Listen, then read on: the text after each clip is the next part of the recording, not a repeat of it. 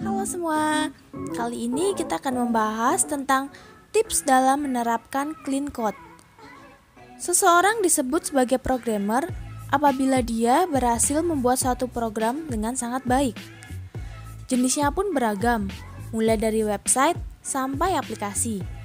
Tetapi, programmer profesional tidak melulu tentang program yang baik Selain program yang disusun runtut, program profesional juga harus menata codingnya serapi dan sebaik mungkin. Inilah yang disebut sebagai clean code. Penataan coding yang rapi akan menunjukkan bahwa si pembuat program adalah programmer yang benar-benar handal. Selain itu, clean code juga memiliki fungsi yang lain. Salah satu fungsinya adalah mempermudah programmer dalam menemukan bug dan memperbaikinya. Karena sudah tertata, tentu sangat mudah menemukannya. Selain itu, penyusunan kode yang rapi akan membuat programmer tepat dalam menunjukkan kodenya. Beberapa kelebihan lain dari adanya clean code adalah mampu menurunkan biaya, tetapi meningkatkan kualitas softwarenya yang dikembangkan. Tidak hanya itu, clean code juga berperan dalam penghematan waktu sehingga bisa lebih efisien. Cara menerapkan clean code dalam menuliskan kode-kode secara clean code, tentu harus ada beberapa hal yang diperhatikan. Hal ini dikarenakan clean code bukan hanya tentang kerapihan, melainkan juga tentang jelas atau tidaknya program dan kode yang dibuat. Berikut adalah cara menerapkan clean code yang benar. Namun, sebelum saya melanjutkan, pastikan kamu sudah subscribe channel ini ya, agar kamu bisa melihat video seperti ini selanjutnya. 1 menggunakan nama variabel yang jelas. Variabel adalah istilah untuk menampung wadah data yang digunakan dalam suatu program. Dalam pemberian nama variabel, usahakan menggunakan nama yang jelas dan tepat. Arti dari variabel juga diusahakan selaras dengan isi datanya. Ini bisa sangat memudahkan programmer dalam melanjutkan programnya. Beberapa hal yang bisa diperhatikan dalam penulisan variabel adalah dengan menggunakan huruf kecil. Jika nama variabel menggunakan dua kata atau lebih, gunakan underscore sebagai pengganti spasi. 2. Memberikan komentar.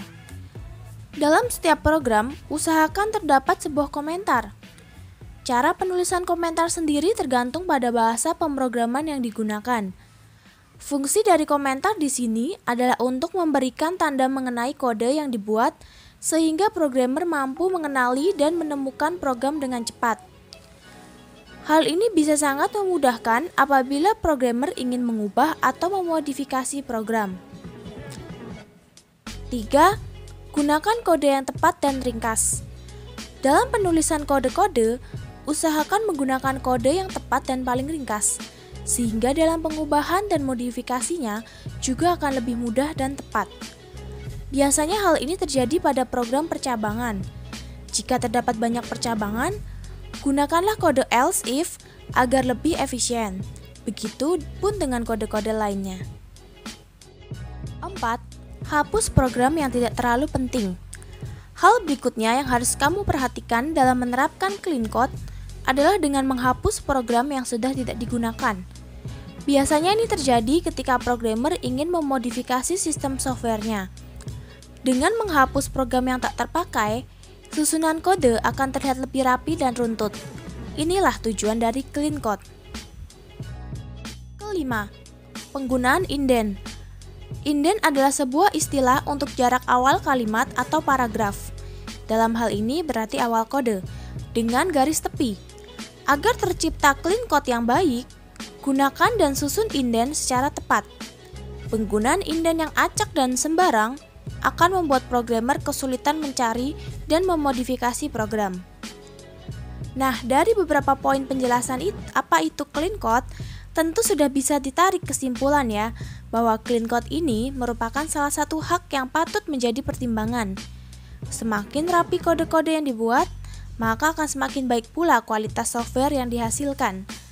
Nah, apakah kamu sudah menerapkan clean code?